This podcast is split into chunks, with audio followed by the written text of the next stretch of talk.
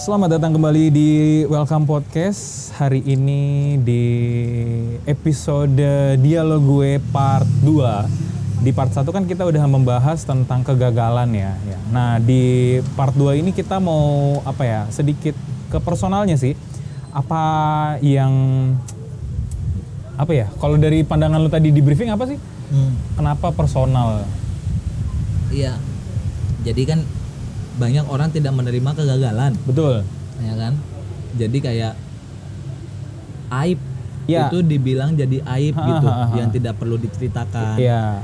Sehingga itu membuat orang lain Itu pun bukan dari bagian dirinya dia, Iya, iya, dikesampingkan. Iya, iya, iya. Denial Tapi, ya, iya. menolak itu ya. Ha, ha, ha. Tapi ada di momen tertentu ha. sebenarnya Ha. itu perlu dibagikan Iya, betul, betul. karena itu betul. menjadi men- tidak bisa dipungkiri itu menjadi bagian proses dalam hidup dia kan Iya, iya. Ha, makanya sebenarnya kenapa itu menjadi menjadi personalnya dia personalitasnya dia kan Oke, oke. Jadi, ha.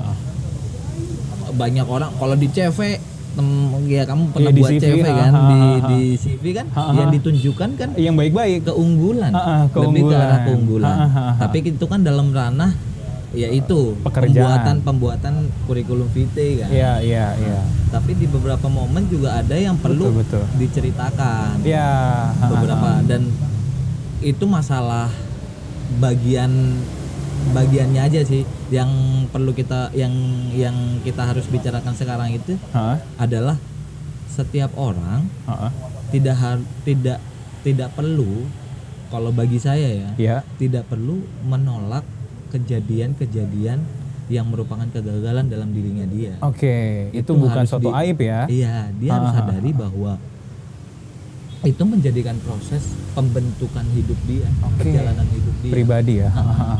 Oke, oke. Kan enak gitu. Nah, cuman eh, kalau misalkan itu gue mau coba mulainya ya dari ini sih, apa seperti seperti yang gue udah ngomongin di briefing, ketika lu udah gagal, gimana sih reaksi orang lain? Eh, misalkan nih, lu ditawarin untuk melakukan ini, tapi orang lain udah tahu nih, atau enggak lu udah cerita, oh gue orang yang kayak gini dan gue udah pernah gagal di sini. Nah, lu orang lain gitu kayak gimana sih ke lu? Pasti ada kekhawatiran yang sangat besar Oke, berkaitan dengan kegagalan tersebut. oke. Nah, makanya kan setiap kegagalan ini beda-beda macamnya nih. Ah, ah, ah. Maksudnya macamnya itu adalah gagal dalam hal apa nih? Ah, Yang di sebelumnya kan aku bilang kan kalau aku kan gagal dalam bidang studi ya, Iya. Dalam dun- apa kuliah, Ah, ah. perkuliahan kan. Oke. Tidak ada gelar gitu. Iya. Ya kan? Ah. Bisa dibilang gagal pendidikannya gagal. gitu. Oke, oke. Ya kan? Ah. Orang yang sudah bilang dengan eh kalau orang paradigma yang aku tangkap di di di saat-saat ini adalah da- ya mungkin yang aku yang terjadi di Indonesia kayaknya ya Iya. Pendidikan itu menjadi hal yang keutamaan Oke. menjadi keutamaan Ha, ha, ha, hal yang ha, ha. paling utama gitu Iya, iya, iya. Itu nggak bisa dipungkiri sih. Iya. Karena memang tolak ukurnya karena kita kan sudah punya ada kurikulum yang begitu bagus sekian Betul, betul, yang, betul. yang sekian banyak kompetensi yang harus dilakukan dan Betul. harus ditekuni dan Betul. bisa dikatakan setelah dilewati proses itu menjadi orang yang disebut ahli Iya, kan? kredibel. ya orang yang Ah, ah, ah. ahli kalau misalnya proses itu tidak dijalani Hmm. atau bahkan gagal Iya. gagal di- dilakukan, gagal dicapai, nah itu menjadi kan stigma eh, paradigma orang mem- apa membuat orang yang gagal itu menjadi orang yang kurang pantas Iya, itu dia. untuk dijadikan Ha, ha, sebuah figur. Iya, betul betul. Tapi untuk beberapa momen ya, Untuk beberapa situasi. iya beberapa situasi kayak misalnya situasi ke yang formal-formal gitu. Iya, betul. nggak mungkin kan di pidato presiden presiden bilang soal keluarganya dia Iya. ya kan Hal kegagalan Jadi, ya, segala macam. yang dilakukan gitu kan pasti berkaitan dengan kenegaraan Iya, iya, ya kan? iya, iya. ada yang kayak gitulah tapi juga kalau misalnya Pak Presiden menghadiri pertemuan keluarga nggak mungkin juga kan dia ngebahas soal kenegaraan Iya, iya. kayak gitu kan Oke, oke. jadi penempatan aja sih Oke, penempatan di mana kamu menceritakan eh, kegagalan dalam hal ini adalah proses hidup kamu di suatu situasi yang apa bukan serupa ya tapi sesuai. Oke. kayak sekarang ini nih. Kita kan ini kan topiknya kan kamu lagi Iya, sharing soal bagaimana menanggapi soal kegagalan kan ya Ah, udah ah. makanya aku men-sharingkan Betul. pengalamanku kan Betul, betul. gitu nggak mungkin aku mau men-sharingkan pengalaman kesuksesanku kan Nah. gitu kan walaupun nggak ada sih. ada lah. Eh, ada, cuman orang yang mungkin melakukan itu nggak mau mengakui itu loh. Ngerti nggak lo? Karena Iya, iya. karena kalau dilihat lagi ya, ketika orang udah gagal, orang tuh seperti tidak bisa dika- diberi kesempatan kedua atau enggak diberikan apa ya? Diberikan kelayakan lah untuk melakukan hal yang baik atau hal yang Mm-mm. hal yang sebenarnya nggak perlu lu jadi apa ya punya gelar atau apa Iya. karena lu bisa melakukan itu. contoh-contoh gini deh contoh sederhananya kayak gini deh Eh, misalnya lu nggak punya bakat lu nggak punya bakat di bidang Ah. olahraga sepak bola Iya, Kasih contohnya contoh sederhana aja ini iya, iya, iya. lu nggak berbakat main bola. Iya, iya. bola kan. Ah, tapi bukan berarti lu nggak boleh diajak main bola kan? Betul, betul, betul. Itu, Gitu. betul, betul, betul banget. Nah, makanya kan ya dia tetap boleh diberikan kesempatan untuk paling enggak diajak. Betul, nah, betul, nanti terserah dia memi- memutuskan mau untuk ikut atau tidak. Nah. tapi paling tidak kan lu sudah menanyakan itu. Iya, bukan berarti lu menolak kayak eh kan dia nggak bisa main bola ngapain lu ajak? Nah itu yang kebanyakan itu, salah. itu. Nah, jujur-jujuran juga nih, gue juga masih sangat subjektif lah untuk apa memilih-milih pribadi yang gue rasa cocok untuk melakukan si- eh, sesuatu. Mm-mm. ya kan? Tapi gue masih ya dalam proses lah untuk lu nggak boleh kayak gitulah. Karena semua orang tuh punya kesempatan yang sama iya. punya uh, kelayakannya Ah, masing-masing. punya semua itu apa boleh diberikan kesempatan. Betul betul Semua- betul. Betul banget betul banget. Semua itu ya kan namanya kan hidup kan pilihan kan? Iya iya. Bagaimana kita mau memilih kalau pilihan itu tidak ada? Iya. bagaimana mau memilih kalau pilihan itu tidak dikasih? Ditawarkan. Iya iya kan? benar-benar. Ya kan? Lu mau milih sama A eh lu mau milih antara A sama B Iya, melakukan A atau B. Ah. tapi nggak ada orang yang nanyain untuk melakukan A dan B. Ya gimana dia mau milih? Kan Iya, iya. lucu kan? Berarti dari kita sendiri juga ketika udah melihat orang yang katanya gagal Heeh. ya sebe- setidaknya kita juga bisa bantulah untuk orang tuh merasa berhasil ya iya bukan Tetap layak gitu lah bukan ya. masalah membantunya sih I- ini belum belum dalam artian membantu ya Iya iya. paling tidak memberikan kesempatan Betul itu maksud gua. Maksudnya membantu dalam kasih kesempatan lah. iya Toh juga dia tetap layak untuk melakukan sesuatu Iya. gitu. Bukan berarti yang di episode eh, pertama part 1 kalau udah gagal tuh dilahirin sebagai orang yang gagal gitu. iya jadi kayak Produk gagal gitu kan. iya dan dan ya aku sih nggak mau ya orang-orang memaknainya itu yang kebanyakan yang kulihat kalau sharing-sharing sama teman-teman yang punya juga punya kegagalan dalam hidupnya itu berpikir bahwa ceritanya berhenti di situ pak Iya. kebanyakan kan orang Ah itu juga. Ha. itu kan orang memaknainya seperti itu kan Hahaha. kata ket- eh, ketika dia gagal dan aku pun melewati proses itu Oke. sempat berpikir ya itu kan di, di part satu Iya. aku pernah bilang sempat kepikiran mau mati muda aja kan jadi mengakhiri kisah hidupnya Iya kan benar-benar. karena gagal itu doang Betul. cuman ya tidak secetek itu juga sih makanya Betul betul. mungkin betul. karena adanya ketidak ketidaknyamanan ketika dia memilih untuk eh, apa sudah mendapatkan konsekuensi ataupun Ha-ha.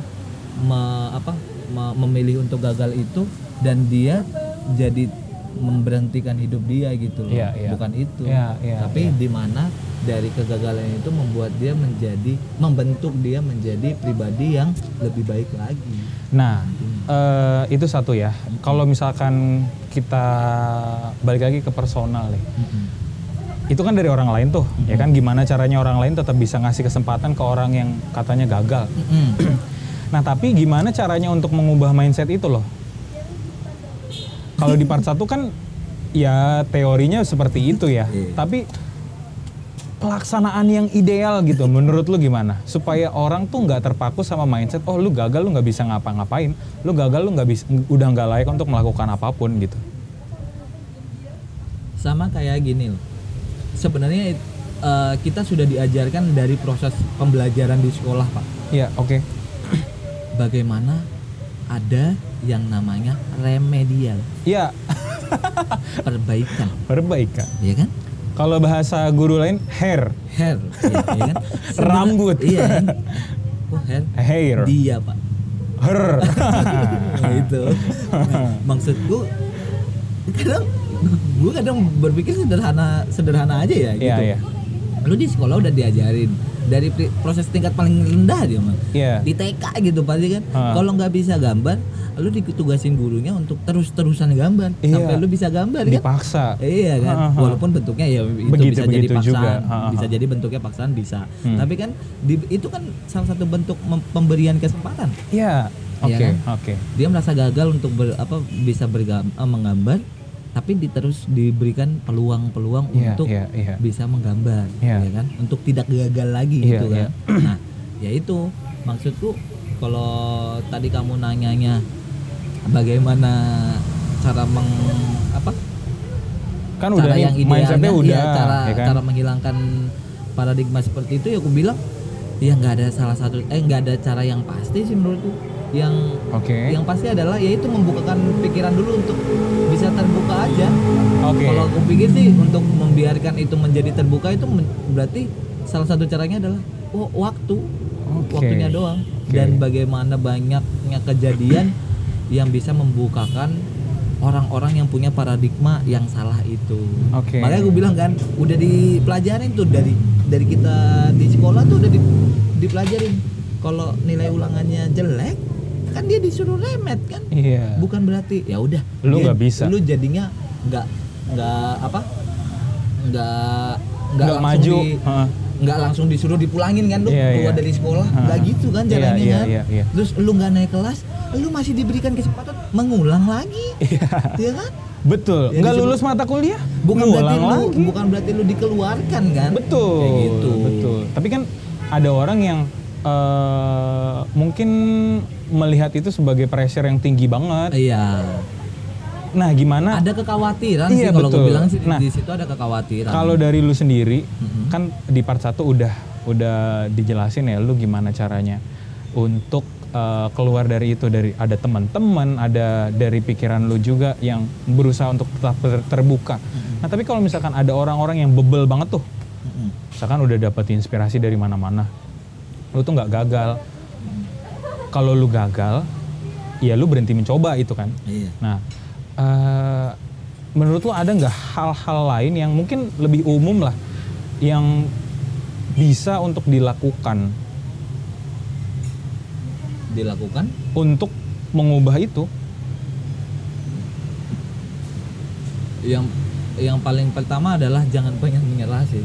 Oke, sama keadaan. ya ini eh, klise lah ya. iya jangan pernah menyerah untuk dalam keadaan gitu loh Heeh. ya jujur aku juga sampai saat ini juga masih mengalami itu Iya, masih bergumul ya. bukan bukan ya pergumulannya lebih ke arah yaitu banyak orang yang masih menganggap eh ya aku itu pribadi yang gagal Iya, iya. Nggak pantas Da- sudah. dalam ya dalam bidang itu kan Mhm. di di dalam kasus ini adalah ya lu lu nggak gagal jadi eh lu gagal jadi sarjana Iya. gitu kan Heeh. gagal jadi sarjana jadi lu nggak bisa lu mendingan lebih baik tidak tidak terlalu terlalu banyak mengambil peran yang un- untuk kan aku kan pendidikan gitu kan Iya. berarti karena gagal di bidang pendidikan berarti lu nggak usah terlalu banyak juga mengambil kes- apa mengambil peran Ah. untuk menjadi seorang pendidik juga Oke. karena lu aja belum bisa memberikan yang contoh paling gampang lah istilahnya gitu kan lu menjadi pendidik aja gagal lu masih jadi mau pendidik kan logikanya nggak ada gitu Iya, kan iya, iya, iya. tapi di balik itu ya aku masih terus untuk ya udah gue tetap mau gue tetap masih mau untuk menjadi pendidik Oke. walaupun ada paradigma paradigma itu yang tercipta di lingkungan Oke, kita. nah itu ya. Berarti berarti orang gagal tetap bisa menjadi sosok ya, sosok Iya. panutan? Masih bisa. Masih bisa. Heeh, masih bisa. Dan dan aku pun percaya kok. Apa eh kayak gini lah. Ada nggak sih? Eh kan kamu tahu kan ki? Eh, apa dunia sepak bola lu paling paham lu pengamat lah nggak maksudnya lu Iya iya pengamat gua lah iya iya oke. paling Ha, ha. lebih lah, banyak tahu. pengetahuannya daripada gua Enggak juga. Oke kan? oke. Terus itu eh, lu tahu nggak ada nggak pelatih ah, pelatih sepak bola Ya. yang bukan asalnya dari pemain bola ada nggak kayaknya nggak ada deh. Kayaknya ya. Sepengetahuan Iya. gua kayaknya nggak ada. tapi gua gua tetap berpikir pasti ada Ada, orang yang oke. jadi pelatih Hmm, tapi dia bukan pemain Oke. bukan asalnya dia dulunya itu dia jadi pemain bola. Ha, ha, ha. iya dia murni ya pelatih aja nah, kan Oke, gitu kan itu sih kayak sudah menjawab kayak ibarat kata lu nggak nggak apa eh, namanya yang di part satu kan aku bilang kan yang sudah disebut ahli yang harusnya disebut ahli dari bagian di bidang itu Iya. tapi bukan berarti karena dia tidak terus karena dia tidak ahli terus dia nggak boleh jadi ahlinya itu dia tidak boleh dijadikan narasumber untuk Iya iya. bidang itu Ah. itu nggak bisa Iya iya iya. iya. menurut gua logikanya nggak jalan di situ menurut Oke. gua ya Oke oke. logikanya nggak jalan di situ karena semua orang sama aja aku bilang kok Betul. kan pasti ada prosesnya dalam hidupnya dia yang bisa membuat dia dari ahli walaupun tidak dari bidang itu Oke oke. Iya kan? Oke oke. ya kalau Iya, gitu mah tentara-tentara itu yang yang udah jadi jenderal itu gak usah jadi pengurus negara lah kan bukan bidang dia tapi Iya. kenyataannya kenapa ada Ada, Ya ada, kan? betul. berarti kan karena memang dia punya situasi dalam hidupnya dia yang bisa berkompeten dengan pekerjaannya dia yang sekarang kan Oke, jadi menteri-menteri Oke, gitu oke, loh Oke, oke. Oke, berarti Makanya. memang nggak bisa sesederhana itu langsung ngekat ya. Iya. Orang yang gagal. harusnya. Harusnya. Tapi kan pada kenyataannya iya. ya kita susah susah untuk eh, ngilangin stigma, paradigma. tapi aku pikir sih itu eh, kenapa masih ada orang-orang yang seperti itu? Heeh, nih aku kepikiran satu hal. kepikiran kepikiran aja gitu. Kenapa masih ada orang yang seperti itu? Pastinya karena orang itu khawatir.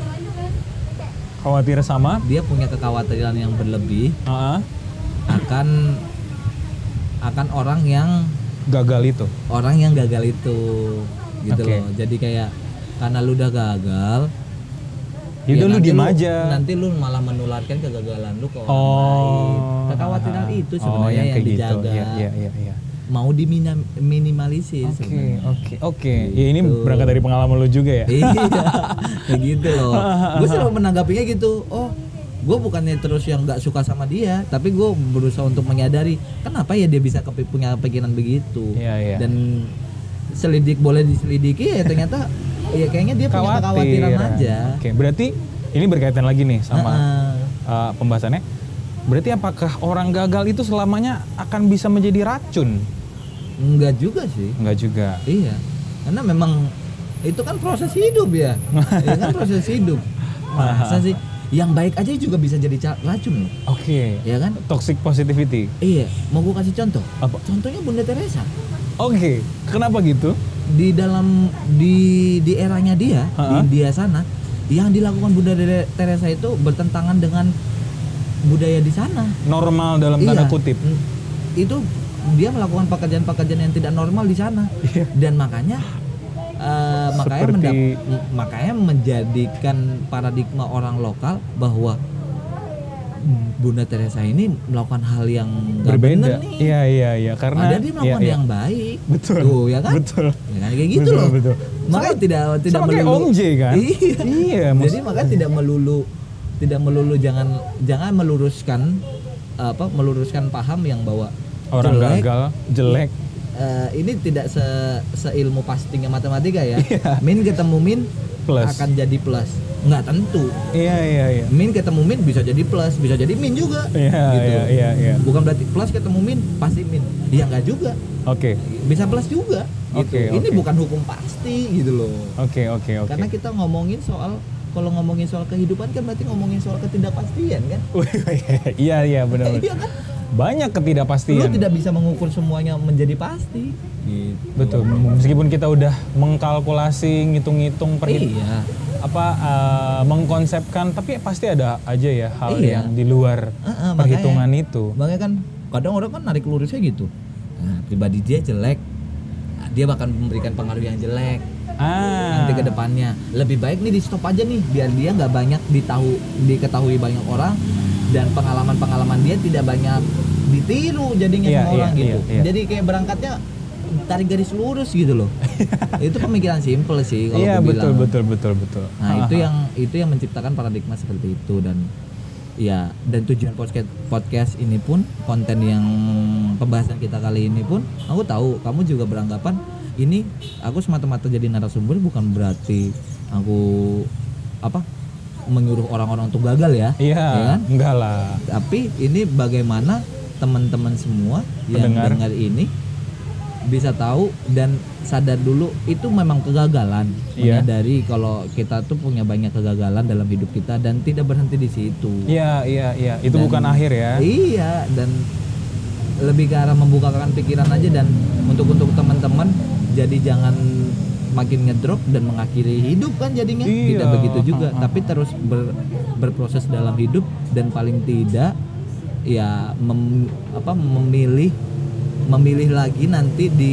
kelanjutan hidupnya Ha. pilihan-pilihan Ha. yang membuat untuk teman-teman itu tetap mengakui kegagalan yang sudah pernah dialami Oke.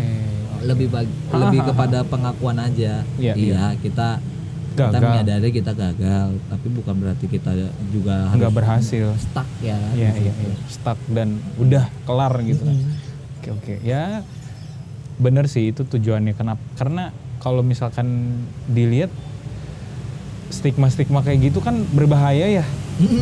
Cuman entah gimana ya, gue gue bukan yang ngomongin yang idealnya gimana, tapi gue juga nggak bisa ngebantu itu ya, nggak bisa membuat itu berubah. Tapi ya gimana ya?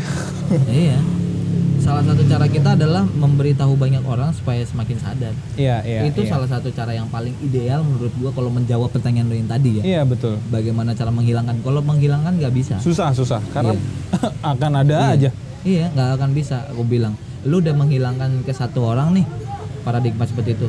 Tapi kan masih ada bisa ke peluang lagi muncul di paradigma orang lain kan? Iya iya. Gitu. Jadi lebih baik cara yang paling ideal adalah membukakan pikiran ke semua orang Iya iya iya. untuk bisa apa me- apa berhenti berpikir yang sesimpel tadi itu yang gue Oke bilang. oke oke. Ha. Ya ini salah satu caranya. Iya iya.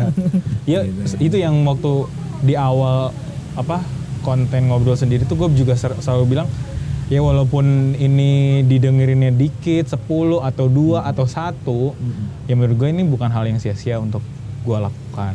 Iya benar. Ha, ha. Kita nggak ada yang tahu loh 10 tahun ke depan ini bisa tahu jadi Apa? Jadi film. ya, atau jadi buku Oh, atau jadi novel Iya nggak ada yang tahu sih. Iya. Cuman ya berarti emang ya ini pelajaran gue juga sih supaya uh, lebih lebih terbuka dan enggak subjektif lah. Karena memang ya seperti konten ini lo juga bisa belajar dari orang yang paling berdosa sekalipun kan. iya Tuh. karena semua punya hak yang sama Betul, semua punya kesempatan yang sama, Iya, setara ya. iya. Mau dia presiden, mau dia iya dia mau apa? tukang kayu tukang kayu atau tukang ban, atau tukang loak, beling ah, tukang Iya. beling. itu pengangguran sekalipun Iya, iya. semua punya kesempatan yang sama ha. Nah, eh berarti kalau itu pendidikan bukan eh, cara memberitahukannya ya lewat pendidikan juga ya. Mm-mm. Nah, kalau misalkan pendidikan kan dari orang tua juga tuh. iya Yang tadi di episode Ya, di pertama part part satu, pertama. lu kan kalau soal keluarga lu, lu bilang lu selalu dibanding-bandingkan gitu-gitu. Hmm. Eh, berarti secara nggak langsung juga orang terdekat lo itu bisa mematikan ya bisa membuat seakan-akan semuanya tuh udah kelar buat lo gitu Iya, itu apa eh, paradigma pertama muncul itu pas waktu masa-masa kecil. iya iya iya Makanya aku eh, apa? Makanya ada pengertian latar belakang iya iya iya Iya kan? Ah, yang membuat kita seperti ini pasti ada masa lalu ya semua pengalaman di dalam hidup kan. Tapi yang menjadi tolak ukur pertama adalah pengalaman waktu kecil. iya iya Tuh, Hmm. Karena kita waktu kecil kan kita nggak langsung tahu punya banyak wawasan kan Iya. wawasan, wawasan kita terbatas Sempit. Nah, wawasan kita tuh cuman seputar orang tua Iya, Apa relasi yang- dengan iya, keluarga. jadi apa yang dipakai sama apa yang Diketahui. dipunya- iya apa yang diketahui sama orang tua itulah pengetahuan kita Iya, pengetahuan anak. sebatas itu aja Iya, betul betul. Eh, dan dia itu berarti jadi sa- bisa jadi salah satu cara juga ah, berarti pendidikan dari keluarga ya, di lingkup iya, paling orang tua lingkup paling intim. Mm-mm. Ah. Eh, aduh, tadi gue mau nanya tuh, apa aku jadi lupa ya. apa tuh Ini, eh, misalkan ya, kalau dari keluarga itu punya paradigma yang seperti itu, apakah eh, kita memang seperti itu? kita itu siapanya anaknya nih Ah, ah, ah. Belum eh, maksudnya ya bisa jadi akan tertular kan dia Hmm, anaknya Maksud gua nih, Karena ketika orang- sering dibandingin dan lebih mengarah ke lu tuh produk gagal gitu loh. Hmm. Apalagi kalau kita sering denger cerita yang misalkan berapa bersaudara yang paling terakhir gitu kan Hmm. dibilangnya kamu tuh lahir karena nggak sengaja loh.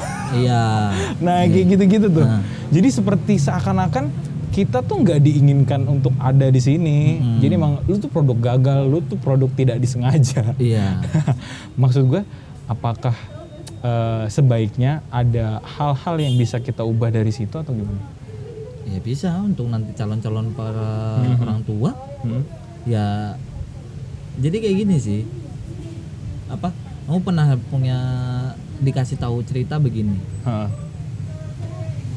orang tuanya it- orang tua ibunya seorang dokter Ya. ayahnya seorang kriminal Wow. Iya. Oke. anaknya dia Hah? punya dua anak Oke. nah waktu itu aku ditanya gini akan jadi apakah anaknya ini nanti ke depan Oke. pertanyaannya yang pertama itu Oke. akan jadi apa ya kan anak pertama menurunkan sifatnya ibunya Oke. anak kedua Dokter. menurunkan sifat Ayahnya. ayahnya Kriminal. Heeh. Lantas pikiran pertama paling normal orang apa orang ketika mendengar kasus ini apa pikiran paling normalnya paling sederhananya adalah Apa? anak pertama akan menjadi seperti ibunya anak kedua akan menjadi seperti ayahnya Oke. dan ini katanya berangkat dari kisah nyata Oke. dan ternyata dalam kisah tersebut Ya. Berbanding kebalik dengan pikiran sederhana Oke. anak yang pertama jadi bapaknya Oke. anak yang kedua ngikutin jadi ibu Oke. menentang untuk menjadi orang yang kriminal Oke. Oke. karena dia dapat perlakuan dia dia sadar perlakuan bapaknya itu tidak baik Ah. dan dia tidak mau orang merasakan apa yang dirasakan oleh dia Oke, yang di- oke. yang di- diperlakukan orang tuanya terhadap dia Oke. Oke. gitu Oke. ya gitu kan jadi memang tidak pasti dalam hidup ini coy gue bilang gitu Iya. makanya kan pilihannya semua sama makanya kalau kamu tanya eh, ketika orang tua punya paradigma yang Demikian. buruk buruk aja gitu ya punya paradigma yang buruk belum tentu nanti anaknya nantinya akan paradigma yang buruk juga siapa tahu karena paradigma buruk orang tuanya itu anak ini mem- eh, membentuk anak ini menjadi punya paradigma yang baik Bisa jadi, Gitu. bisa jadi. Bisa banget ya. Iya. Dan itu juga banyak kok. iya banyak. dan tidak bisa dipungkiri makanya semuanya Iya, iya. itu semua semua peluang itu ada Betul banget. Tinggal kita mau nerima itu atau enggak ya. Ah, gitu. Mau ngambil itu atau enggak. Oke, oke, setuju. Iya. Makanya kan aku punya pilihan. Kan makanya sebenarnya aku punya pilihan untuk tidak gagal kan. Tapi Iya. memang karena Kekulnokan. iya karena memang aku udah sadar, oh ya udah mentok sampai di sini. Ya udah gue memilih untuk memutuskannya aja. Gue untuk gagal aja di sini. Iya, iya. Gitu. Kan gue yang milih itu. Iya. Kenapa orang yang repot? Iya kan? Iya, iya, iya, iya. Iya kan? Ah, ah. Orang yang repot bilang nanti lu jadi nggak punya pekerjaan gini. Benar, benar. Tapi gue tetap yakin kok. Gitu, gue yakin. Karena teman-teman gue baik, Hmm. gitu kan. Lu masih inget gak prinsip gue waktu itu? Gue pernah bilang kan, gue nggak butuh jadi orang kaya. Iya. Gue cuman butuh teman gue banyak dan teman gue sukses. Oke. Itulah prinsip gue. Gue mau memulihkan kata-kata manfaat sendiri Karena Bukan kan- manfaat dalam tanda kutip ya. Iya, ya kepada dasarnya dalam kamus KBBI mah Iya. manfaat itu mah Positif ya. positif. Eh ngapa jadi orang Sunda lu kan? iya kan Udah. memang Iya, iya, iya. memang positif kan. Tapi kalau kalau kita sadari dalam dunia pertemanan kan ada sering muncul kan kata-kata gini. Lu tuh cuma dimanfaatin doang tau gak sih? eh, berarti kata manfaatnya jadi buruk dong. Iya iya, perubahan Aneh, makna. anjir. Ha, ha, ha. Padahal juga dalam situasi kita yang anak-anak muda kan sering ada muncul juga pikiran gini kan. Cita-cita gue pokoknya ingin bermanfaat bagi semua orang. Dimanfaat. Tiba- tapi di satu sisi ketika lu mendapatkan apa eh, Situasi. iya situasi Dimanfaatkan. dapat- iya dapat apa dapat pengakuan dari teman lu eh lu tau gak sih lu tuh dimanfaatin sebenarnya sama orang. Jadi dia mengingkari Iya. mengingkari janji dia yang itu kan aneh kan? Iya, iya, iya, iya. Ha. jadi sebenarnya makna manfaat itu apa sih? Gitu kan. Iya iya iya. jadi merubah Iya, iya. merubah meaningnya.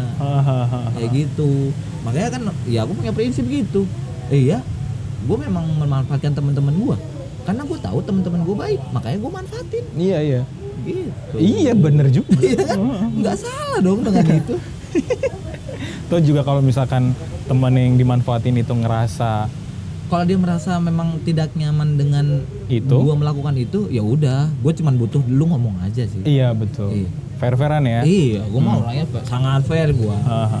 gue sering ngeledekin orang gue sering bully orang bukan berarti gue nggak mau dibully Iya, iya, iya, iya. lu bebas kok bully gue Ah, gitu seperti figur panutan gue dalam dunia komedi kan Iya iya kan. iya iya. iya. Eh, komeng pernah nulis di dalam artikelnya gitu. Orang tahu kalau gue jahil. Nah, gue dibilangnya king of jahil tapi bukan berarti gue nggak pernah dijailin bukan, bukan berarti, gua lu menolak kebal. untuk, iya bukan berarti gue menolak untuk dijailin Iya iya. salah itu Ha. justru gue menerima lu untuk ngejailin gue Iya. tapi seberapa kuat jailannya lu itu Iya, iya, iya. gitu kan. Intinya gitu kebanyakan jahil soalnya semua, semua udah pernah dia lu lakuin jadi dia udah tahu Ah, gitu. Makanya menutup jadi jadi ke- kecil kemungkinannya untuk orang bisa jadi sama dia Oke Gitu. oke. So ya kayak, kayak gitu sih mungkin ya dari dua part ini kita sepakat lah ya kalau orang gagal tuh nggak melulu semuanya jelek ya kan? Nggak melulu karena dia memang produk gagal enggak lah ya. Iya. karena semua punya kesempatan yang sama. Iya tidak pantas dia untuk dalam tanda kutip dibuang. Dibuang betul betul. Karena semua punya oh, iya bener kesempatan kelayakan lihat TV kita aja kalau udah sedikit ngeheng kan bukan langsung kita buang kan Iya. benerin dulu benerin dulu Iya kan di servis Iya. motor kalau rusak kan nggak langsung lu buang kan? Iya. Lu nggak langsung beli jual motor baru kan? betul betul Beli- apalagi kalau Iya makanya paling nggak ya itu ada perbaikan. Iya betul betul. Ya gimana kita mau tetap objektif Iya, memberikan kesempatan ke siapa pun. iya benar. Ya ya ya setuju gua. So buat para pendengar eh, terima kasih udah mau mendengarkan dua part ini. Semoga ada banyak hal yang atau ya kalau misalkan satu hal doang yang ditangkap satu hal baik yang ditangkap ya nggak apa-apa. Iya. Ya kalau misalkan gak ada hal yang menarik untuk ditangkap juga nggak apa-apa. paling nggak dia udah dengerin berarti. Iya, kalau dengerin ya syukur-syukur ya walaupun satu ya puji puji Tuhan lah ya. Gue nggak berharap untuk didengerin sama presiden atau siapa pun. ya tidak berharapnya untuk membagikan inspirasi aja. Iya. Paling nggak kan dalam percakapan ini udah ada dua pribadi yang tahu. Iya, bener. Dialog gue. Iya. Kan gitu aja, nggak perlu orang lain. Karena untuk mengubah dunia itu tidak butuh banyak orang, Wih, wih. tapi butuhnya adalah orang yang mau. Dan konsisten. Iya, mau mau mengubah gitu. Iya, iya, iya. Nggak butuh disuarakan, ayo dong, ayo kita bikin dunia berubah. Enggak. Tapi lu lu sendiri aja dulu buat Iya, betul. gimana nanti Betul, betul. mengubah dunia dengan cara lu Betul. masing-masing. Iya. Gitu sih. Betul banget betul banget. Setuju gue. Memang luar biasa ya. Ya, jelas. Udah mulai. Sabilah untuk teman-teman pendengar, terima kasih banyak. Sampai jumpa di konten Welcome Podcast selanjutnya. Ciao. Terima kasih.